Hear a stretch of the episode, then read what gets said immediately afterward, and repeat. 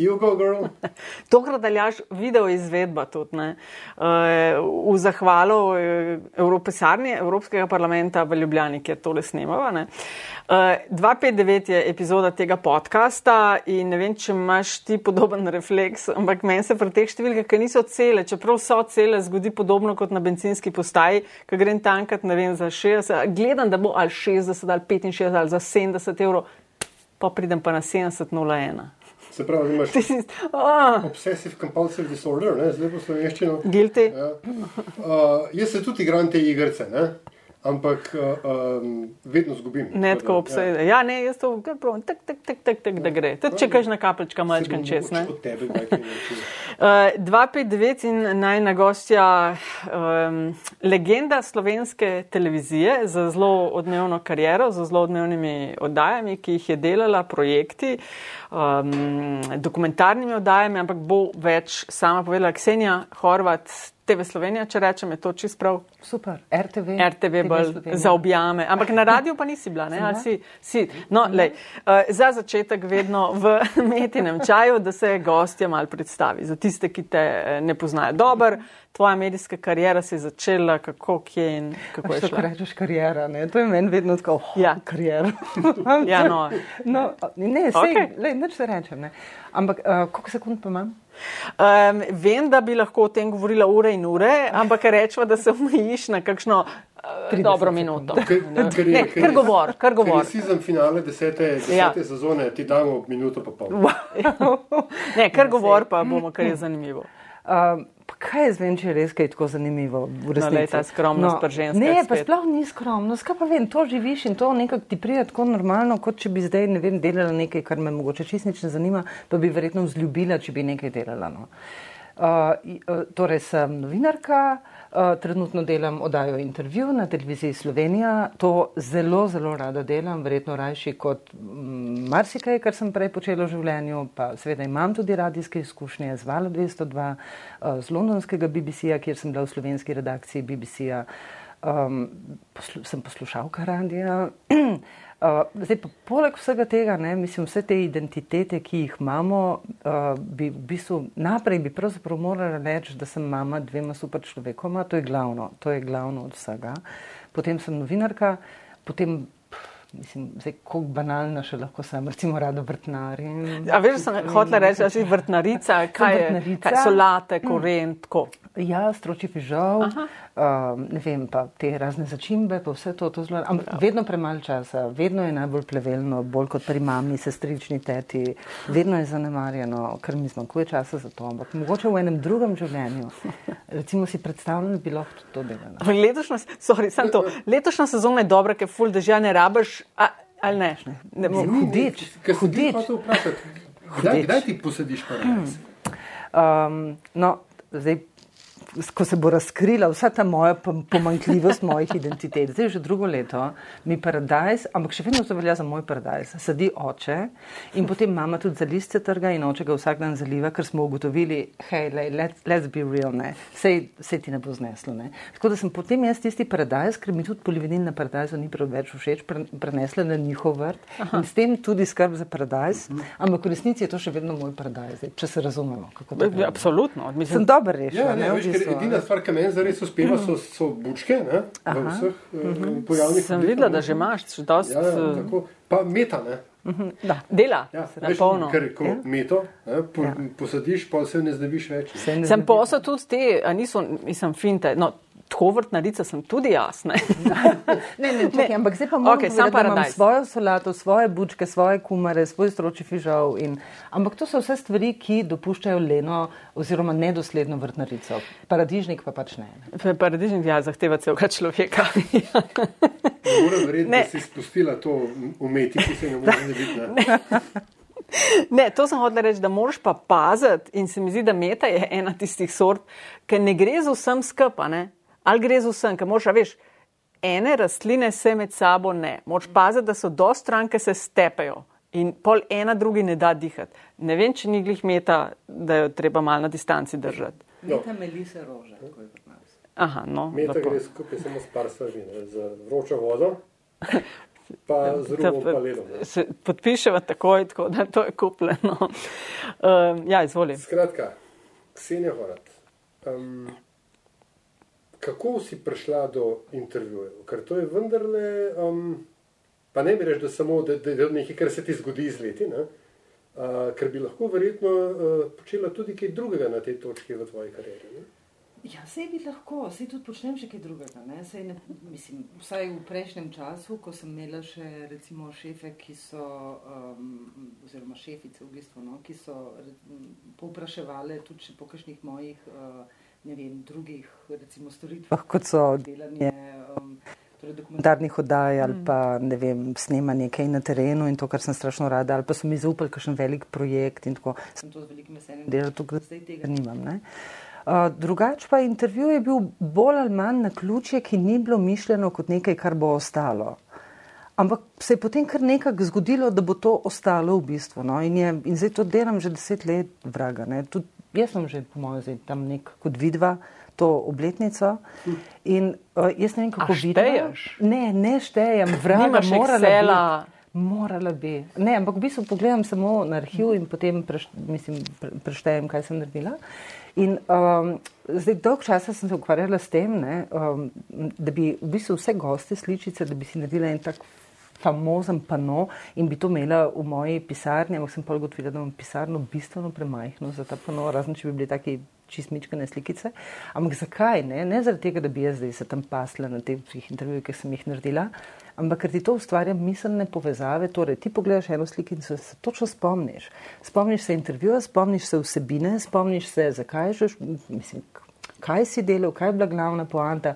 Spomniš se podatkov tudi, recimo, ne? ker zdaj se mi doskrat zgodi, a sem že jaz tega človeka, malo že o tem šel, a sem, sej sem, ne, ne, sem ali nisem in tako. Ja, veš, da se nama tudi že ne. A Ja. Čak, jaz sva že imela, pa za, ne, ne, ampak za koga Ne, sva bila? Zihar, ker je tako vse prisoten ali pa vse prisotna, da pa Ja. kako ne. Ne. Ja, včasih se bolj kako- spomniš teme, ki si jo Mm, delal ja. kot gosta. Ne? Ampak skratka, tako živim v neki utopičnem prepričanju, da če bi to nekje vse tako bilo pred mano, da bi potem vse tisto znanje in izkušnje, ki sem si ga pridobila pri pripravah na ta intervju, da bi potem samo tako nekako z nitko potegnila ali pa celo vse zaobjela v neki strašno modri. Neki strašno modri misli in ideji mm -hmm. za karkoli pa žena. Tako da, Čakaj, deset let po naključju je štartalo. Um, kdo je urednik trenutno? To nekdo je urednik, to se Ja. prav reče Trenutno oddaje. je urednik Jože Možina, ki je Aha. tudi eden od ustvarjalcev intervjuja. Uh, pred Jožetom je bila kolegica Lidija Hren, ki je šla v penzijo, uh, drugač pa. Um, V bistvu za nazaj se niti ne spomnim. No, ampak to je nekaj, kar je. Uh, Prav zanima me ta odnos voditeljica, urednik ali pa urednica, kjerkoli je bila, kako si razdelite delo ali v smislu se ve, ti si ta termin na vrsti, vse ostalo je na teb. Uh, od A do Ž ali rabaš uh, pičat gosta oziroma gostjo, sodelujete pri pripravi vprašanj na ta način. Je to čist v narekovaju privat od vsazga, ki vodi? Ja, ja, to v bistvu je trenuten koncept tak, da je čist privat od uh -huh. vsakega, ki vodi. To Ok. okay. pomeni, da, da smo, ne vem, predstavljam si tako kot prvama, to je one man band, ne? Um, Kakšen one? vidva sta dva, no, torej, ampak ne, v tem smislu ne. Ja, Torej, en človek, man. ki praktično dela, v bistvu jaz komuniciram samo z um, svojo uh, producentko, ki ni samo producentka intervjuja, ampak še kupa drugih oddaj. To pomeni, da mi pove, kdaj točno je snemanje, pa kakšna sprememba. Um, in komuniciram z urednikom toliko, da mu pač enkrat na mesec napišem, uh -huh. pač koga si predstavljam, da bi imela in tako naprej. Drugače pa ne, drugače je to v bistvu vse prepuščeno uh, eni sami osebi. Men, To je v bistvu zelo v redu, ne, ja, po ja. svoji strani, po drugi strani pa ne. ne. Jaz mislim, da bi take, mislim, take vdaje v nekih drugih um, resnejših medijih, bi rekla, od našega ustvarjajo v nekem, ne vem, nekem okolju, kjer vrejo ideje, kjer, uh, kjer to ni prepuščeno enemu človeku. Ne. Jaz, si vedno, jaz si to vedno potem postavljam, recimo izbereš si enega gosta ali pa gostjo in potem z katerega vidika to obdelati. In Zdaj, Tu strašno pogrešam recimo, ta dialog. Ne? Kaj pa bi še lahko, a sem prav zagrabila, bi mogoče kje drugje še šla. Jaz sem veliko v bistvu pogovarjam sama s sabo, ne, ampak v bistvu bi, bi bilo fajn, če bi bilo to bolj tako timsko delo. No. Mislim, načeloma, ker drugače se rodaja ne rabi urednika. Ne? Načeloma je to nekaj, kar naj bi ljudje sedeli ja. za mizo, brainstormali, ne vem, gosti za naprej, zakaj nekoga ja. takrat, ampak ja. klepa se zdi, da je zelo. Ja. Vrtiček od, v narekovaju, od vsazga. Ja. Za, uh, No, to je prostovoljni vrtiček. To pač, to pač tako je. Ja. To ni, da sem jaz zdaj tle neki si posebej izborila. Mm. Tak je sistem dela in um, v bistvu to ni dobro. No? To, ja, ja. Ampak, in ti, čist, če poveš ljudem, ki gledajo te oddaje, kako, okay, prideš v, kako sploh prideš do koga bi in kako pol zgleda priprava na intervju, da si znajo ljudje mal predstavljati, ko bojo poslušali ta podcast, ker gre za eno od bolj markantnih oddaj na RTV in tebe kot eno od res markantnih voditeljic. Kako, ja, dej, oprostite, pač tako je, ne. Take it. Uh, kako te stvari uh -huh. uh, počne Ksenija Horvat? Ja, um, jaz to počnem tako, da seveda mislim, spremljaš medije, vse spremljaš. Seveda, In um, kaj pa vem, enih dvakrat na dan zagotovo se mi tako utrne ideja to pa to bi lahko, pa to polčasih si napišem, jih pozabim. Tako, Ampak to nekje ostane v možganjih, v vsaj nekih malih možganjih, do trenutka, ko moraš sprejeti odločitev o tem, koga boš pa zdaj tokrat imel intervju, seveda. In potem pogledaš malo okrog sebe in razmisliš, a je to trenutek, ki je primeren za tega gosta. Vem, se mi zdi, da z našim memšojem in z našimi izkušnjami in tako naprej, da, da ti to večkrat lahko tudi uspe. Ni pa seveda to nujno tako, mm. ne? ker imaš ti lahko, ne vem, upaci, ne? tako kar neki fajn gostov, ki v določenem trenutku jih ni. Pač karkoli že, se to tudi sama vidva, vredno, zelo dobro veste. Torej, skratka, hočem biti odzivna, ampak seveda ne, ne tudi za vsako ceno. Mm. To je lahko je nek gost, ki govori o nečem drugo, drugem, ampak se lepo ta njegova zgodba poklopi z nekim aktualnim dogajanjem, ki v družbi je.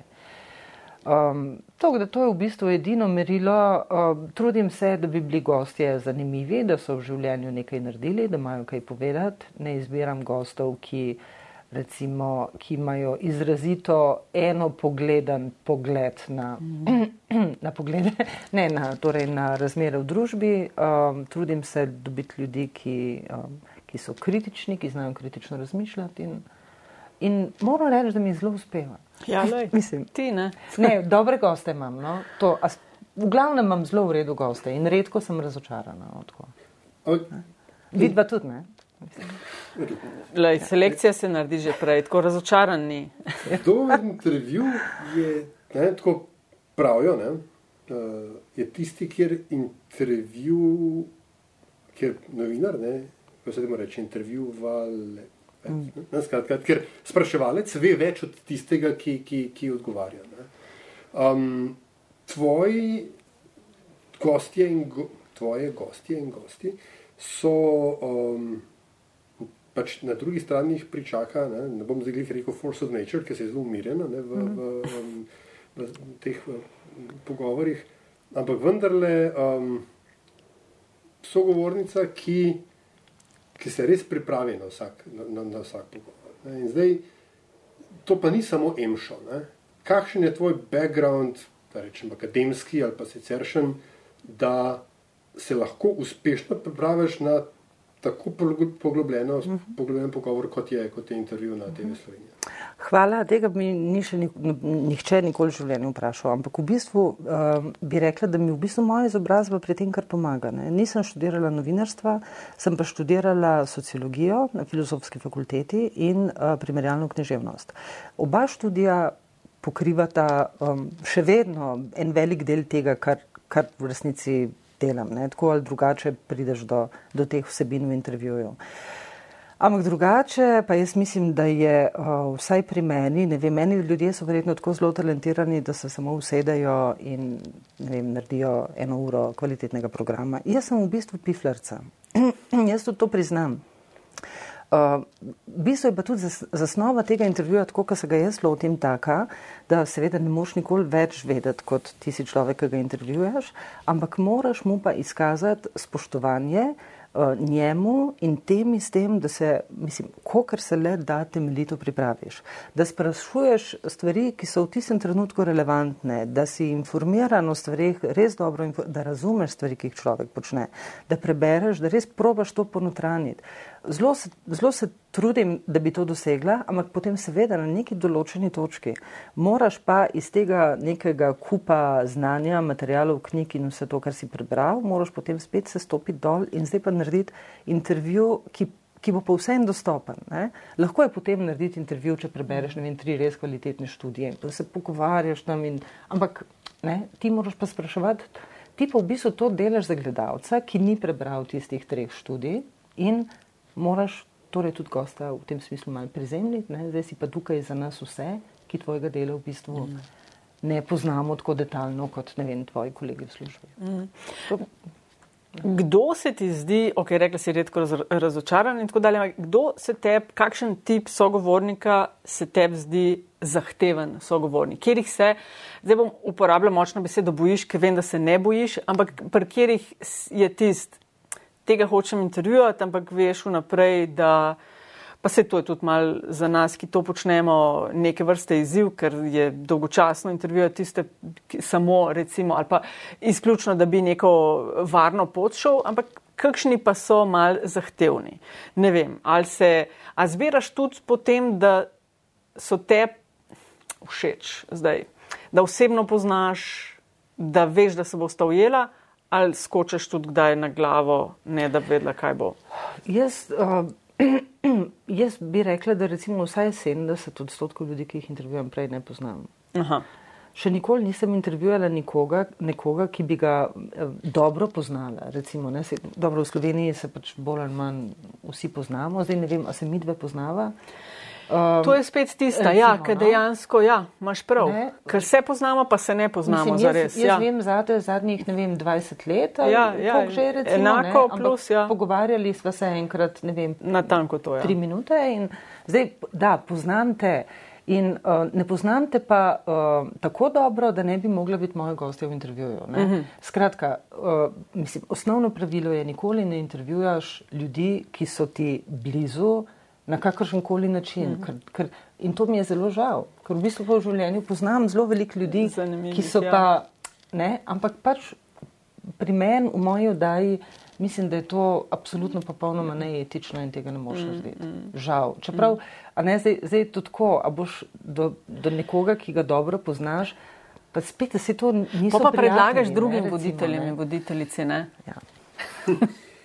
um. Skratka, nova sezona intervjuja je rešena, vsaj v vodni. Um, exactly. A je to zdaj več vračamo? Ne, zdaj se pa preveč ja, dobro. Ja, ja. Ne, ne, ne, zdaj bomo morali oba povabiti nov koncept ja. oddaje. No, to je podcast no, raba. Skratka, um, na nacionalni televiziji to se tu skupaj poteka ne, in um, veliko krat slišan na floskula je, da mora biti TV Slovenija kot BBC. Um, ti imaš izkušnje z BBC, ja? Um, sicer je večkrat oddaljena, pa je zdaj. To je ta imšo. Ne, ne, ne pač, gre za to, ne, da je BBC na, danes na neki ravni v podobni situaciji, ne, vsaj v smislu mm. um, obdelave ne, strani um, političnih silnic kot, kot uh, TV Slovenija. A se a sme, ali, ali lahko TV Slovenija kot BBC in ali bi bilo dobro, da bi bila kot BBC? RTV Slovenija, da ne bo pomoč. Ja, ja, razumem te popolnoma. Zdaj, um, jaz bi začela z, z to osnovno premiso, da BBC, ne glede na vse težave, ki jih oni imajo, ne, in imajo zelo resne težave, in upravljavske, in programske, in tako naprej, ne, da je to je še vedno hiša, o kateri, o kateri bi si mi lahko samo želeli in sanjali o njej, da bi to imeli. Vseeno še tolikšno profesionalnost in tolikšno um, ne vem, programsko raznolikost, uh, uh, da bi imeli tudi to njihovo intelektualno raven, toliko nekih pametnih, bistrih ljudi, ki tam se vsak dan trudijo in razmišljajo o programu in o tem, kako naj se BBC približa jav, javnosti. Mislim, to je oprosti, to je res tak ideal, da verjetno v, v naši državi, ki je pač temu primerno bistveno manjša in ima torej manjše, tako novinarske, znalske, v tem smislu potencijale, je to zelo težko. Želim si, da bi bili seveda kot BBC. Mislim, hkrati pa, ne, kot si rekel, BBC, to, kar se je zdaj dogajalo v zadnjih recimo petih letih, to je bil res pri njih udarec za udarcem, ki jim je zbijal in kredibilnost in ugled pri ljudeh in, uh, torej, mislim, in politični pritiski, za katere ne bi verjel, da se v Angliji lahko, torej v Združenem kraljestvu dogajajo, To je pa spet neka stran BBC-ja. Samo eno pod vprašanje za tiste, ki ne vejo, kaj se je zadnjih pet let dogajalo, da je, če lahko ja. pojasniš malo na kratko. Torej, številna, začenši številnimi aferami, ki so se pri njih uh, dogajale, ne? znameniti uh, spolni predator Seville in torej pedofilske obtožbe, potrjene, dokazane, niti ne več obtožbe, obsodbe in tako naprej. Način, kako se je BBC na to odzival, je bil, uh, mislim, bil katastrofalen in s tem so si naredili ogromno škodo. Drugi primer je bil seveda primer panorama in uh, ta v bistvu, uh, kako bi se temu reklo, um, um, no, poneverjeni pristanek princese Diane na to panoramo, v bistvu jo zvijačo novinar spravil k temu intervjuju, ki ga je potem gledal cel svet in tako naprej. To se ne dela. To se ne dela. Uh, seveda, razumeš, da se to zgodi v tisti, tisti bitki, tisti, jaz vse razumem, ampak to se ne dela. Ne? Recimo, to sta bila dva taka zelo močna udarca. Potem pa seveda še vse drugo, kar se pri njih dogaja, ne? zelo močni napadi komercialnih medijev, to je pri njih še bistveno močneje, bolj izrazito kot pri nas. In to je pa v tem družbenem sistemu, pač tudi recimo neoliberalnem, v njihovem um, primeru nekaj tudi zelo običajnega. Torej, seveda vsi si prizadevajo, da bi si odrezali en velik kolač.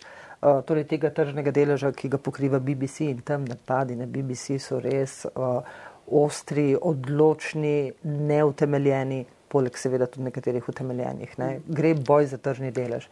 In pol pa seveda zdaj nedavno, ne, Richard Sharp kot, uh, torej, uh, kot uh, dire, torej predsednik, kako imajo pri njih predsednik uprave, kako že, ja.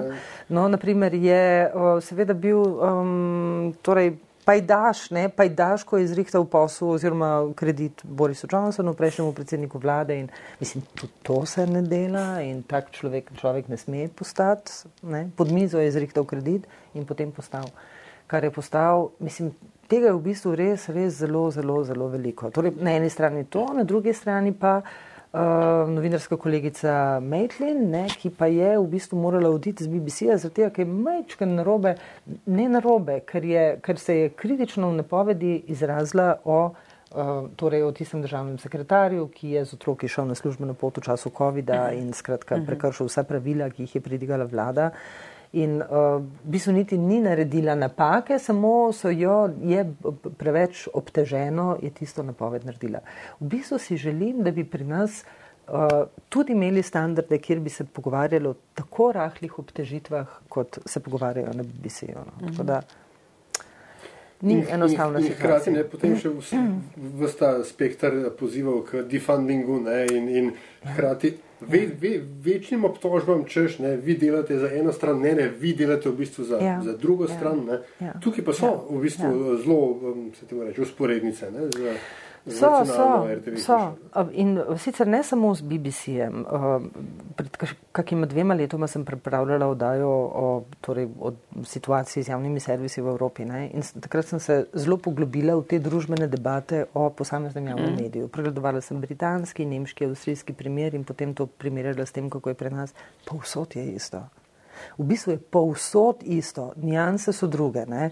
Naprimer, v, uh, v primeru Nemčije, to mi je bilo strašno zanimivo, sem tam vprašala eno novinarko, ki sicer dela zunanjo politiko, a se pri vas lahko zgodi, da bi zdaj, ne vem, Angela Merkel recimo o vas tvitnila, da ste pa. Um, Dobro, mogoče nekaj tako izjemno, direktno žaljivega, kot da ste prostitutka, ampak pa pač nekaj drugega. In ona me je sam gledala, mislim, res tako začudeno. Dobro, mogoče je bilo vprašanje mal ne fair, ne? ampak v bistvu, ko preneseš neko slovensko situacijo direktno tja, človek ne pozna ozadja, se mi potem razložila. Ne?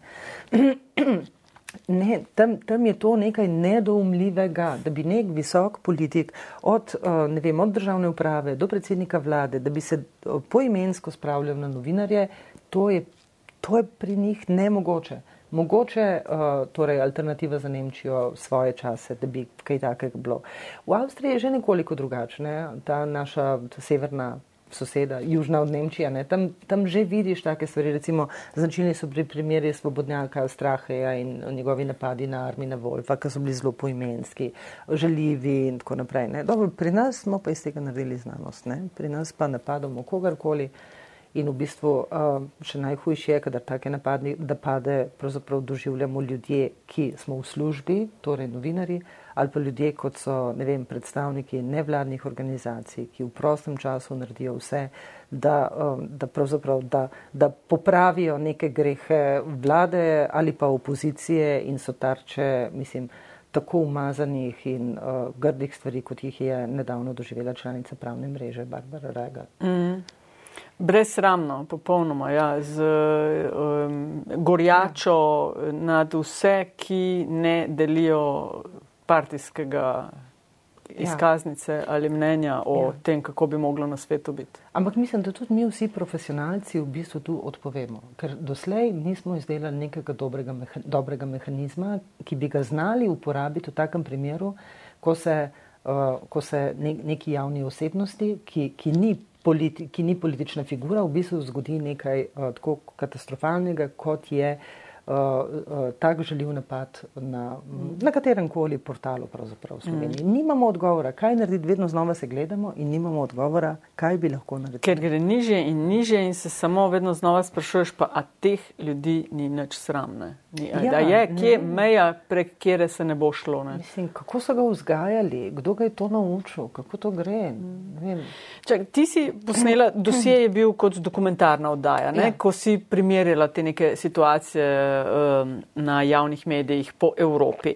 Uh, a se da povedati, obstaja kakšna čist razlika, trendi med javnimi mediji, recimo da nekem zahodu in vzhodu Evrope, kjer se mi zdi, da se še vedno lovi mal priključek in kjer določeni voditelji, običajno gre za populiste, nacionaliste, to razumejo kot medije ta prav, ko mi svoje družbeno-politične delavce nastavimo na funkcije in potem govorimo, ne, ne, tist, ja. glava mi eksplodira že samo, ko, ko, ko o tem govorim in razmišljam. Ja, ja jaz mislim, da si, da si to ločnico te nekdanje železne zavese, seveda plus Slovenija, ki je bila pač na, na drugi strani vseeno, ne, uh, Da si čist dobro postavlja, da so to neke torej, nekdanje državne televizije, ki niso uspele, ki jim vsi preprečujejo, pravzaprav ki jim zaporedne vlade preprečujejo, da bi naredile prehod v javne televizije. Mm.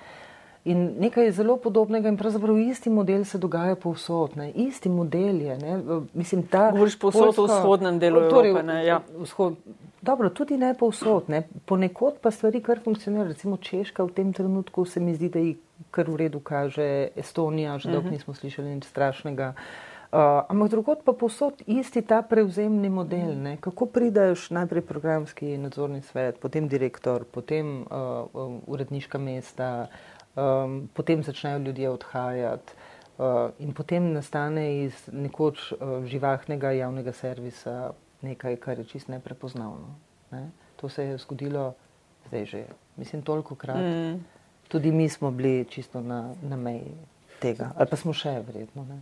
Vse je ravno to, ne? ker je um, vsaj zadnjih deset let, ali vsaj recimo zadnjih deset let, ki jih mi pomnimo še zelo in pač so rane še žive, ne? so se javni mediji izkazali kot prvi in pogosto edini resen in zanesljiv vir informacij. Od grške finančne krize do potem migranske krize, pa potem smo imeli COVID-no krizo, pa še bi se lahko vmes naštevali. In, ven, in vsakeč znova so javni mediji tudi prva tarča populistov, ki jih to vrstne krize, in seveda populistov vseh barov, vonjev in okusov, mm -hmm. da ne bo mm -hmm. pomote, ne, ki jih to vrstne krize um, po pravilu um, izvržejo na, na površje. Um, v Grčiji so javno televizijo, če se prav spomnim, sploh ukinili in jo potem, ne, kako že, boljšo, tanjšo eh, in bolj učinkovito, ne, ne, zelo lepo prevedeno, ne, ta lin min. Uh, skratka, ali imajo javni mediji sploh prihodnost ali se je ta uh, uh, princip ne, um, sekanja korenin, ki, ki, ki napajajo to jav, javnost, ne, the public, publicness of, of the media, uh, a se je že tako prijel, da je v bistvu uh, to, kaj že, um, projicirana smrt tisočerih rezov? Ja, grozno vprašanje, ne, v resnici. Mislim, ja, ne, ja, ampak taka je realnost. Ne. Zdaj, lahko gledaš uh, z tega zornega kota, kot si ga ti nastavil v vprašanju, lahko pa gledaš z drugega zornega kota. In sicer drugi zorni kot je pa to, da se vendarle vrača vera v javno in v pomen javnega. Danes ne govorimo samo o medijih, govorimo o o, ne vem, če hočeš o javnem prometu, o javnih zelenih površinah, o, torej javno, javno, javno. Kaj je tisto, kar je, kar je od nas vseh in kar, za kar moramo skrbeti in spodbujati njihovo rast? Ker vemo, da je to v bistvu zagotovilo tega, da smo so udeleženi pri nekih procesih v družbi. Ne? In javni mediji, mislim, jaz globoko verjamem, da javni mediji na, na ta ali drug način bojo ostali. Ne taki, kot so zdaj, zagotovo ne, ampak morajo pač iti skozi neko hudo resno transformacijo, da bodo pač izpolnjevali vse to, kar družba od njih pričakuje. In tega mi v resnici ne vemo. Ne? Mi, mi, mislim, recimo, jaz sem pripričana, da večina RTV-ja ne ve, kaj. Torej, večina RTV-ja hoče reči o ljudeh, ki so tam na oblasti, zdaj ali pa kdaj prej. Da, da se ne preizprašuje o tem, kakšna točno bi morala biti naša vloga, koga nagovarjamo, kaj takega nagovarja hoče od nas, kako kako to izpolnimo, kje je meja med, uh, med kvalitetnim novinarstvom in mogoče nerealnimi pričakovanji javnosti. Ne? Mislim, da je tudi ogromno, mislim, to zdaj ni, da jaz si ne zmišljujem te stvari, torej berem, kaj počnejo drugi mediji, pogovarjam se z ljudmi iz drugih medijev in vidim, s čem se ukvarjajo, da stavijo na na nenehno komunikacijo s svojimi, svojimi občinstvi, da stavijo na izrazito transparentnost pri vseh svojih odločitvah, tako finančnih, upravljavskih, programskih. Ti moraš danes v nekem odgovornem javnem mediju znati vse pojasnjevati. Ne? Ti moraš znati pojasniti, kaj ta človek dela v službi za denar, ki ga dobi. Torej, kaj točno dela? Meni se zdi to fair. Tisti, ki plačujejo prispevek, Ne? In zdaj imamo primere, kjer to zelo dobro delajo. Ne? Recimo ORF, jaz, jaz ORF vedno postavljam za primer uh, hiše, ki zelo dobro komunicira s svojimi javnostmi. A jim to pomaga pri tem, da je napadov manj? Najbrž ne. A jim to pomaga pri tem, da jim manj grozijo z ukinitvijo prispevka? Najbrž ne. Ampak uh, na dolgi rok, pa jaz mislim, da se to strašno splača, zaradi tega, ker vendarle s tem ti pridobivaš ljudi, ki uh, imajo recimo, imajo vsaj argumente, zakaj je nekaj potrebno. Tu v Sloveniji, jaz še nikoli nisem zasledila, mislim, vse zgodovine RTV-ja, zdaj sem tukaj po mojem kakšnih 25 let na mm. RTV-ju, da bi kdaj kdo ponujal sam javnosti argumente za to, zakaj je javni servis pomemben. Mi tega ne delamo. Ne? Mi to pustimo, da to dela vem, faks, VDV, pa malo civilna družba. Pa civilna družba. V bistvu smo pa mi tisti, ki bi morali sami iskati odgovore na ta vprašanja in jih predlagati javnosti. Kaj od tega se vam zdi uporabno, kaj lahko pograbimo, kaj lahko še naredimo, da boste zadovoljni z vlogo svojega javnega servisa. Mislim, to je vse to v teoriji ne, je to vse krasno. Mm. V praksi je pa to ogromno trdega dela, s katerim se večina javnih servisov ukvarja že zelo dolgo. Mi pa tle strašno zamujamo. Prosti, umenila si prej ne, po, ponovno porajajočo se vero v javno splošno. Pa me zanima, je to, je to mogoče generacijsko? Ker se mi zdi, da smo, ne, prečujem naša generacija, ne, uh, nekako žrtve, ne, ali pa ima vsaj ta štokholmski sindrom, ki sicer ne obstaja, ne, predtem to reče, ampak do tega neoliberalnega konsenza 90-ih, da je pač vse predrago, ne, da javni sektor je treba obrezati, ne, zato da bo država tako kot podjetje in tako dalje.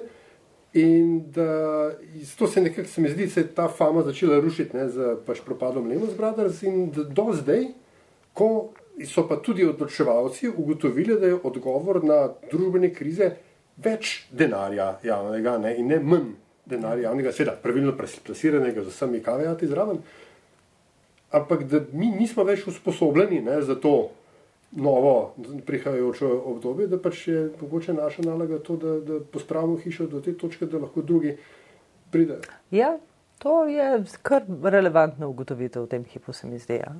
Uh, in, ampak kje je vmes ravno potem problem? Ne? V času tega prehoda, ko, recimo, uh, ko je recimo naša generacija se izpela, naprimer, ne, in uh, bi zdaj tu potrebovali neke močne mlade ljudi, ki svet vidijo popolnoma drugače in boljše in bolj razumejo tudi, ne vem, vlogo medijev in kaj sploh generacije, ki prihajajo, potrebujejo, ne, potem ugotoviš, da te ljudje niso več na javnem servisu.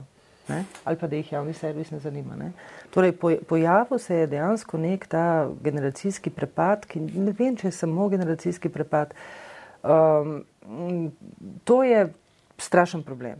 To je zelo hud problem. Ne vem, ne vem kako, kako, se, kako se bo to reševalo in odpravljalo. Ampak zdaj generacijsko, tako, če, to je recimo bolj pri nas problem kot kje druge. Ne? Če pogledaš, kdo zdaj vodi, kdo zdaj recimo je glavni promotor sprememb še vedno v teh javnih um, zavodih, uh, torej javnih medijih, Avstrija, Nemčija in tako naprej so to ljudje, ki so mogoče nekoliko starejši od nas. Zdaj ne vem, kako ste videli stara, ampak recimo. Lej, ampak, tega, ampak to počnejo drugače. Uh, tam zelo pazijo na to mladi, stari, uh, torej uh, ljudi vlečejo zelo mlade z idejami zraven in tako naprej. Oni sploh vse delajo čist drugače. Recimo, zdaj sem prav, um, pred kratkim sem, gledal, sem zagledala nekje fotografijo programskega sveta BBC-a leta 23, ko je bil programski svet ustanovljen in tam sedijo, tako sedi, ne vem, zdaj recimo, da deset ali koliko jih je, 11, 12, nekih resnih ljudi, vsi tako vidiš, da mislim, Stefa le, lep in tako, ne, um, ta nek um, ja. višji meščanski razred, pa tudi nekaj lordov in tako naprej. Ne. Ko danes pogledaš te ljudi, to je čist nekaj drugega, ne? imaš etnika minorities, imaš predstavnike sindikatov, imaš ženske. Vse, ne? Zelo se trudijo. In zdaj, in recimo, ko sem se pogovarjala z šefom CDF-a, Eh, pred uh, kakšnim letom. Je rekel, kaj je njihova glavna naloga? Njihova glavna naloga je seveda pritegniti mlade, to je bistveno, ampak hkrati tudi poskrbeti za, za, mislim, za zelo dosledno, za enako reprezentiranost žensk in moških in v njihovem konkretnem nemškem primeru za zastopanost vzhodnih Nemcev v mhm. programih, ki jih pripravljajo. Ne. Mhm. Mislim, strašno ljudi gledajo na vse te stvari, to, to to bo k nam šele prišlo enkrat. Mm. Čist, ko smo že ravno pri tem, kar si omenila tudi to zastopanost uh, spolov, a ste pozorni, ko ustvarjate, kakšno boste na koncu sezone imeli razmerje vabljenih uh, gosti oziroma gostov? Um, zdaj, ker me ne vikaš, misliš s tem gotovo? V ekipo RTV? celo, ja, pač ja. intervju, cel, da na koncu leta, aha, imeli smo, ne vem, 30 ali koliko je na koncu gostov, od tega smo imeli, ne vem, 10-20 tega, 30 uh -huh. tega, fajn, če bi drugo leto mogoče mal bili pozorni. Ali pa imeli smo uh, 50 plus vse, mogoče bi pogledali, če še kakšnega 30 plus lahko uh -huh. najdemo, ki bi bil zanimiv. Uh, mislim, če to kot uredništvo počnemo, potem jaz za to ne vem. Uh -huh. uh, jaz sama pa uh, jaz to zelo pazim. Ampak zdaj spet jaz nisem tako, kot ti številkami, da zdaj uviš me to številka. Ne? Recimo, da delam nekaj bolj po občutku. Ja, ja, veš, 159 pa pol, zdaj 159 pa pol. Uh, ampak uh, Jaz, jaz mislim, da, da so k večjemu, ampak bom, vse bom pogledala. Preštela, koliko intervjujev, preštela bom, koliko je bilo žensk, koliko je bilo moških. Zadnje čase delam same ženske, uh, sicer moram malo popraviti. okay. Skratka, jaz sama pri sebi zelo pazim na to. Tudi pazim, da je enkrat nek star človek, potem enkrat starejši. Ne, star, ne, ne, ne, ne, A se star se lahko reče? Nov, to je zdaj nov. Tako, ker ne smeš biti mlajši, mlad. To moramo v bistvu zdaj destigmatizirati te kategorije. Torej, Aha, mlad okay. star. Če si star, ni s tem nič narobe. Kaj je staro? Star. V jeseni življenja. Kaj je jesen, jesen življenja? življenja? Če damo na sto let, pa je prva četrtina, druga tretja. Kaj je jesen? Kje je zima? Ja. Po mojem, jo čutiš, ko pride v kosti. To mi no, nič ne vemo. Na, na relativnem štartu tvoje karijere si dobila Viktorja za obetavno medijsko osebnost. Ne? Da se spomniš, mogoče, da jaz se ne spomnim, da je to bilo, ampak to je bilo v 90-ih, ko so ti, ali bilo že kasneje. To je bilo enkrat konc 90-ih, začetek. Okay. No, ti si zdaj imela vmes kariero 25 let, ki je eh, čez marsikaj šla, marsikaj si počela. No, itak, to, to hočem tudi reči, delala si v tujini, radio, televizija, zelo različne uh, izkušnje imaš. Če sebe pogledaš takrat in tvojo vizijo novinarstva in medijev, in to, kjer ne sam ti si danes, ampak mediji in novinarstvo, koliko ima skupnega s tistim, kar si ti v 90-ih o tem razmišljala. A je šlo po tej poti, po kateri si mislila, da bo šlo, ne samo tvoja karijera, pa kaj si počela, ampak kako so se razvijali mediji? Glede moje kariere, lahko zelo hitro končava pogovor, ker moja karijera je vedno tako potekala, da še ne dve leti bom v tem novinarstvu, potem si pa najdem nekaj drugega. Okay. To, no, ampak je a je tam, leti, je. a je šlo tako po željenem eh, trajektoriju? Ne, mislim, da sploh ni, nisem pričakvala. Verjetno naivna, verjetno sem premalo poznala stvari, verjetno um, nisem zadost razmišljala tako družbeno široko, da bi znala zaznati, kaj mm. se bo z mediji zgodilo. Mm. Recimo pred 30 leti, ko sem začela delati v medijih, je bila situacija povsem drugačna. Mediji so bile neke stabilne institucije, ne rečem, da se neke razpoke niso že takrat zelo jasno mm. tudi nakazovali, kaj bo in kako bo. Ne. Ampak nihče ni verjel, da se kaj takega lahko zgodi. Tudi ni bilo še zunaj, ni bilo tako, ne samo mm. pri nas, tudi v tujini. Tako da Ne, nikoli si ne bi mislil, da bomo kdaj novinari, novinarstvo kot poklic in mediji kot hiše in ustanove, da se bomo kdaj znašli v tako prelomnem času, kot smo zdaj. Koliko so tebe zadeli v narekovaju družbena omrežja? In ti novi mediji. Se mi zdi, da sicer je en profil na Twitterju, sam ja. ne vem, ali je tvoj v vsakem primeru pa ja. nekaj, kar ni aktivnega. No? Ja. Ne, imam ene dva profila, ker sem jih že pozabila, da sem enega starla, pa sem potem ga. okay. uh, jaz recimo na Facebooku pa tudi tako zelo redko. Mislim, se trudim, da recimo kakšne intervjuje objavim. Enkrat okay. sem objavila tudi nek čatnik, ki sem ga skuhala, aha. pa sem potem takoj dobila, aha, aha sam, ker ni slovensko, je pa dobro. Aha, ja, okay. pa sem pa še neke falafle tudi objavila za tem. Ojoj, kaj hujšega, ja. ja. Uh, ne, pa se kar, v bistvu kar spremljam, ne. Mm. Mislim, družavni mediji so zanimivi. Kdo pravi, da to ni zanimivo, mislim, laže ali pa karkoli. Zdaj sem tudi to, imam recimo na Facebooku, imam tako dobro napeljano. V bistvu imaš tako, kot s paradajzi. Daš, da, daš, da je tam, ne imaš, pa nimaš. A vidiš, da, to je, moram razmisliti, ja, kako je to. Uh, Twitter je pa nekaj, kar se mi zdi, da zahteva bistveno večji del uh, uh, miselnega prostora, kot ga jaz mm. v tem trenutku lahko ponudim. Mm. Se mi zdi, takoj, ko si gor aktiven, pol moraš biti. Ne? Ne, in moraš tam, mm. in moraš se odzivati. Na Twitterju se moraš odzivati, moraš biti aktiven del neke uh, te skupnosti. Jaz v tem trenutku, um, poleg službe in poleg teh izrednih razmer, in um, torej pa svet delavcev, pa v ta upor, ki smo ga zdaj peljali leto in pol, in vse to jaz enostavno nimam energije časa, ker poleg tega sem uh, tudi mama dvema mm. najstnikoma in, uh, in skušam stvari prioritizirati in v tem hipu ne gre. Začujem se pogledati na Twitterju. um, ne, uh, zares, um, če si že omenila ne, zadnje leto in pol uh, na nacionalki, v kakšni koži je zdaj hiša? Zdaj, uh, pravno, formalno so se stvari preparale do te točke, da je zakon, uh, nov zakon RTV velja, svet nov je bil imenovan, razpis za novo upravo se je zaključil, vendar te trenutku, ko to snimamo, z, novo vodstvo še ni znano zdi se, da je naloga pred temi novimi ljudmi gromozanska. Ne? In kakorkoli jih je, eh, so mogoče to nek svež veter, ne? je pa pač.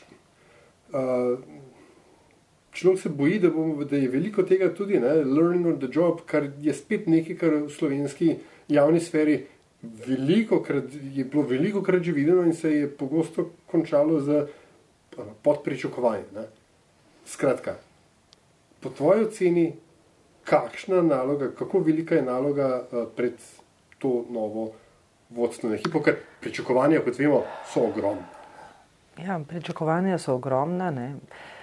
Mislim, jaz mislim, da recimo v informativnem programu so stvari tako zelo nazadovale v zadnjem letu in pol, da tam bi se zelo hitro poznalo, Uh, že samo, če bi dobili nekega, uh, nekega vodjo informativnega programa, nekega upravljavca, ki bi bdel nad programom, ki bi skrbel za to, ki bi, ne, uh, ne vem, ki bi tudi na ključna mesta imenoval ljudi, ki vejo, kaj je to informativni program, kaj je dnevno informativni oddaj, program, kaj so oddaje. Zdaj, vsi ti ljudje, ki jih je pač politika, Zdaj, nočem narediti vsem krivice, ampak v bistvu tako na počes gledano ne, je pa tako veliko ljudi, ki je prišlo k nam v zadnjem času in ki so zdaj tudi na nekih pomembnih položajih ali pa so bili že prej v hiši, pa simpatizirajo z določeno politično opcijo. Ne, uh, je prevzelo te neke položaje brez, uh, brez, brez, brez izkušenj. Ne. Oni so padli v neke pozicije, kjer, kjer je bilo to, kar si ti zdaj razlagal, ne, ja, uno, zdaj se pa začenjamo učiti in tako naprej ne, in se učijo in tako naprej. Uh, In uh, mislim, to, jaz, jaz mislim, da je informativni program v zelo težki situaciji, da je, raz, da je res razvalina tega, kar je nekoč bil. Um, Ti si bila tudi direktor, direktorica, ne? Bila sem urednica programa, informativnega programa, ampak če zdaj gledam nazaj, ne, če zdaj gledam nazaj, takrat se nam je zdelo, da smo v katastrofalni formi in da je vse narobe. Ne, ko zdaj seveda gledam nazaj, se lahko pogleda človek, da je, ki so takrat nastali, pa nastajajo danes, ne, smo bili v perfektni kondiciji. Zdaj nas je to leto, minulo leto in pol nas je zelo utrudilo in tako naprej. Ne. Tako da jaz, jaz samo upam, da se bo, da se kje najde mm. nek človek, um, mlajši, ne, recimo, mlad. Mlad, mlad, mlad, Sem mlad hotel vprašati, navijaš ne? za koga od kandidatov, ki so se prijavili za predsednika oziroma dele člane uprave, vse to je le. Ja, um, ja, navijam, ampak uh, ti tega ne bom povedala okay, v tem cool. trenutku. Navijam, ja.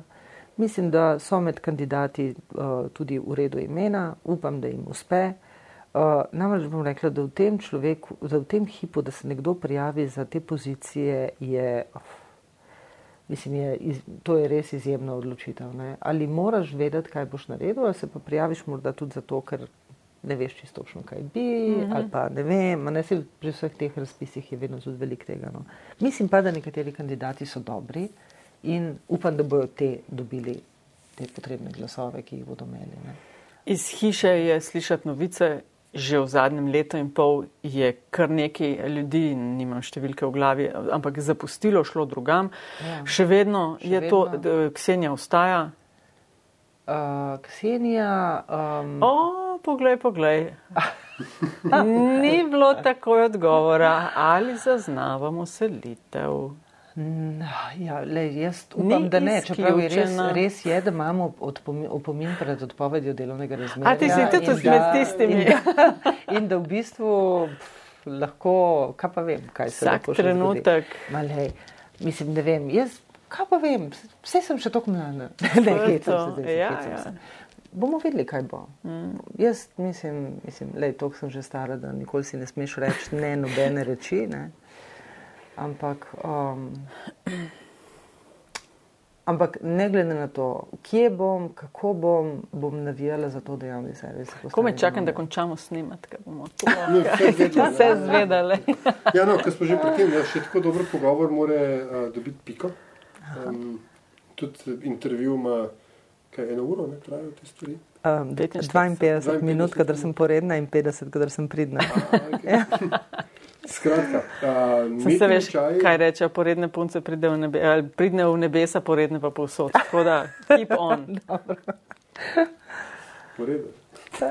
Metini čaji se uh, tudi deseto leto zaključujejo z zanimivostjo, ki jo pripravi gostja ali gost. Jaz sem pripričan, da ste Nataša povedala vse, kar moraš vedeti ne, za pripravo. Ne, se me takoj mečkam potomkov. Skratka. Um, kaj je nekaj, kar ti meniš, da bi pridodalo k um, korpusu znanja poslušalstva podcasta Metinča? Lahko je povezano s tvojim profesionalnim življenjem ali pa kaj s paradižniki. S temi paradižniki sem že povedala, kako je realno stanje. Ne, Pa ja, uh, moram ti povedati, da tvoja kolegica je temeljito upravljala svoj posel in mi je to. Jaz pa nisem. Hvala. Ne, ampak jaz sem ga pa nekoliko slabše. In, uh, in to tudi priznam. Ne vem, kaj bi, kaj bi še rekla. Recimo, mogoče bi to rekla. Ne? To sicer seveda ni neznan podatek, ampak sem strastna raziskovalka prek morja. Recimo, to je nekaj, kar me drajva, lepo po slovensko. No? Ja.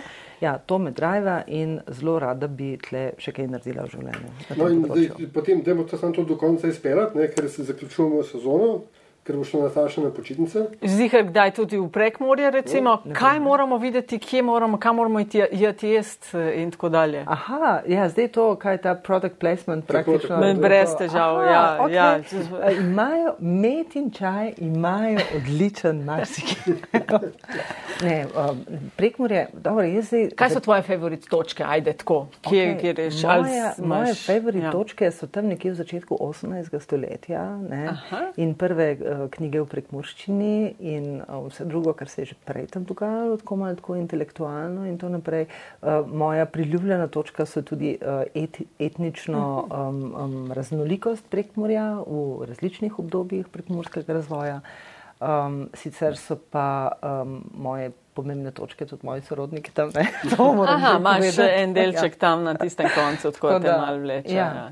V Fino. bistvu me vse vleče, no, najbolj me pa vleče v bistvu ta, ta v bistvu zelo poseben razvoj pokrajine, tako zelo bogate Ja. in uh, ko v bistvu ljudje še vedno dobro, se mi zdi v Ljubljani še vedno se ve Moravske toplice, pa Vinarium se ve, pa ve se za Štorkle seveda. Ja. Seveda se ve za vlada Kreslina, ki je pa ta čas postal slovenski nacionalni zaklad, ne samo prekmurski. Ne. Um, ne pozna se pa vsega tega zaledja, kjer je pa resnično toliko zelo veliko zanimivih stvari. Zelo lep konc Slovenije, tako da ti zavidam uh, vsak izlet tja, tako da sem vam vedno fajn. Ti pa aljaš pa si, ali te nese kaj v une konce, Jo, jo, ali bili, kadar bili, si. Seveda, se vam, mislim, imam na na Facebook banner, imam, sem se slikal pred tablo fotovci, vendar. ne. No, to mi je tudi ob- obvezni postanek vedno. Ne? V glavnem, Ksenija, če bo čas, se priporočava eh, za eno fotografijo tvojo eh, iz eh, nasada bogatega eh, paradižnikov. to, bi bilo, to bi super sovpadalo. Sicer pa ti res rečeva hvala lepa za tvoje ustvarjanje na Hvala področju vam. medijev in ker si nama pomagala zaključiti deseto sezono podcasta Met in Čaj, ki ga prijazno gosti. Evo, Aljaš, izvoli. Um, Na- Evropske unije v, Ja. v Ljubljani, se zelo prijazno zahvaljujemo za gostoljubje in tehnično pomoč. Um, Nataša, meni je pa, moram reči, da Kaj? v veliko čas bo tudi še deseto sezono delati na tem času. Joj, da vidiš skoraj. Tako da. Me je um, video, ne? Ja, ja, sej, sej. Upam, upam, da tudi Ena- 11. še kaj še naprej. Enako, v tak užitek, da komi čakam, da začneva novo. Septembra. Septembra. Ja, 260, kaj bo. Ksenija, najlepša hvala. Hvala vam, res. In, In- in vso srečo pri vajnem čaju. Ja, in hvala lepa tudi vsem vam, ki naju in nas spremljate za deljenje epizod, za podporo, za predloge, ki jih pošiljate, koga naj še gostiva ali ne. Na infoafnametinalista.si, na ključniku Metin Čaj in Twitter naslovih Pengovski in at DC43. Tako da hvala lepa in se vidimo v 11. sezoni.